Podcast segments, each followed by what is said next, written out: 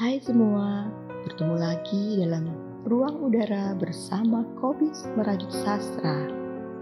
Seperti sebelum-sebelumnya, kami akan kembali mengisi ruang dengar Anda dengan cerita-cerita pendek pilihan setiap hari Sabtu dan Senin. Selamat mendengarkan.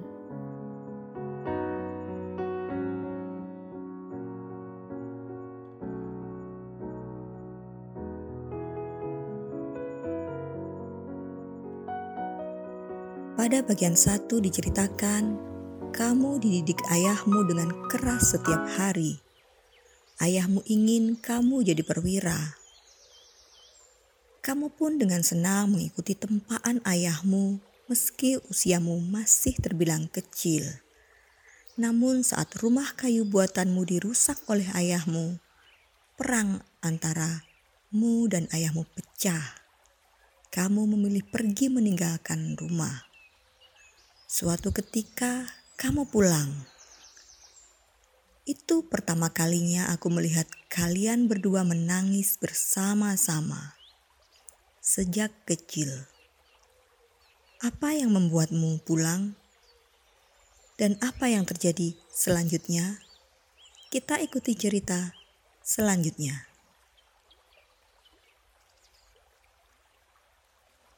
Rumah kayu Cerpen karya Dahlia Irawati bagian kedua.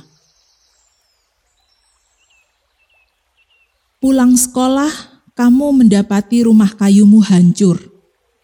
Kamu langsung mendatangi ayahmu dengan raut muka merah padam menahan marah.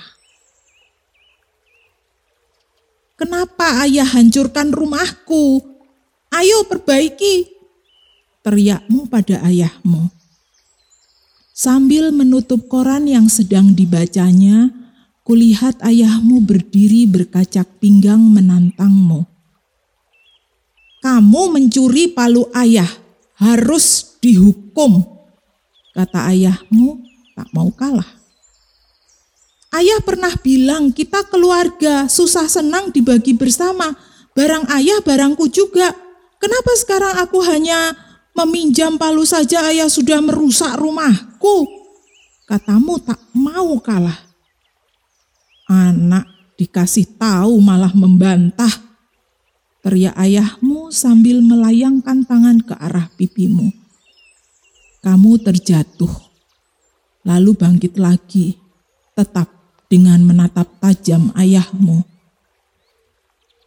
Tanpa tangis, Perbaiki rumah kayuku sekarang.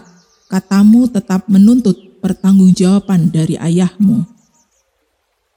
Nyaris tangan ayahmu melayang kedua kali memukulmu. Kalau tidak cepat kuhalangi.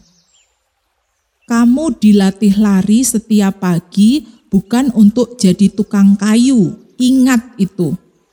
Kamu juga selalu menuruti kemauannya kata ayahmu berteriak padaku.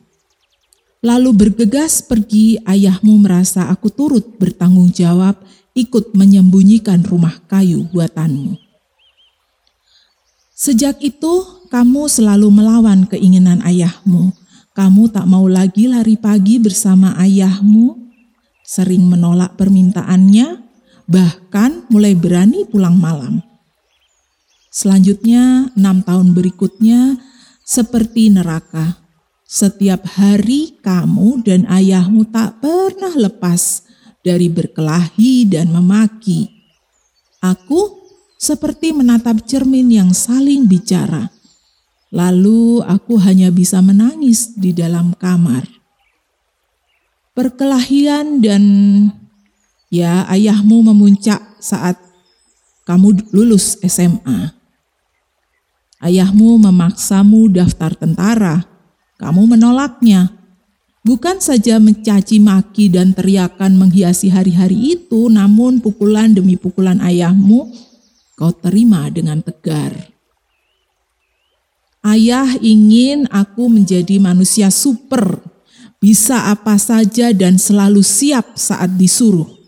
Selama ini aku menurut, tapi kali ini aku tidak bisa. Ayah selalu berkata lelaki harus punya pendirian. Sekarang kutunjukkan bahwa aku punya pendirian. Tak mau jadi tentara.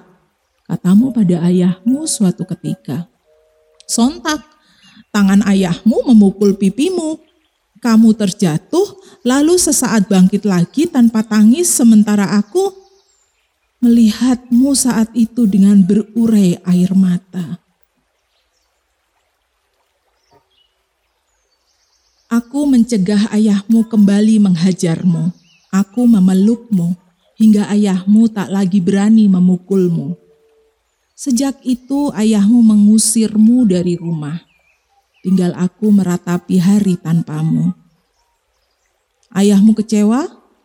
Ia menjagamu dengan sangat teliti sejak kecil, mulai dari sikat gigi tiap malam hingga inspeksi kesehatan harian. Saat usia sekolah, kamu pulang ke rumah dengan wajah lebam karena berkelahi, ayahmu akan langsung datang ke sekolah dan memastikan agar kamu tak lagi berkelahi. Ayahmu menyimpan harap sangat tinggi padamu. Menjadi penerus, menjadi tentara perwira, tidak seperti hanya ya tidak sepertinya hanya seorang bintara Aku menunggumu pulang ke barak. Di dekat pohon nangka tempat dulu rumah kayumu berada. Tempat ini selalu sepi, apalagi setiap pagi ditinggal kepala keluarganya bekerja. Hanya tersisa emak-emak yang bergosip dan memamerkan harta. Lagi pula keluargaku bukan pecinta, bukan pencipta tren di kalangan penghuni barak, sehingga setiap sepak terjangku tak ada yang mengikuti. Tanpaku, seperti tak ada yang berubah di lingkungan barak. Lain dengan keluarga depan rumah. Saat mereka membeli mobil, maka penghuni barak lain seperti berlomba-lomba mengikuti membeli mobil dengan merek yang sama. Tapi selama ini Aku tak peduli dengan itu semua. Selama ada kamu di dekatku, maka duniaku baik-baik saja. Ring. Bel rumah berdering di suatu pagi, aku beranjak dan kulihat seorang pria jangkung berdiri di teras. Saat ayahmu tertatih mendekat dan menyeret sebelah kakinya tiba-tiba, pria itu berlari memeluk dan mencium kakinya. Ayah, maafkan aku. Izinkan aku pulang mencium kakimu dan ibu, kata pria yang rupanya adalah kamu. Ayahmu membimbingmu berdiri dan memegang tanganmu erat-erat. Ia tatap lekat-lekat pemuda di depannya itu tanpa bicara. Lalu sedetik kemudian memelukmu erat. Ibumu sudah meninggal beberapa tahun sejak kamu pergi. Bisik ayahmu sambil meneteskan air mata. Kalian pun berpelukan erat dan lama di antara derai air mata.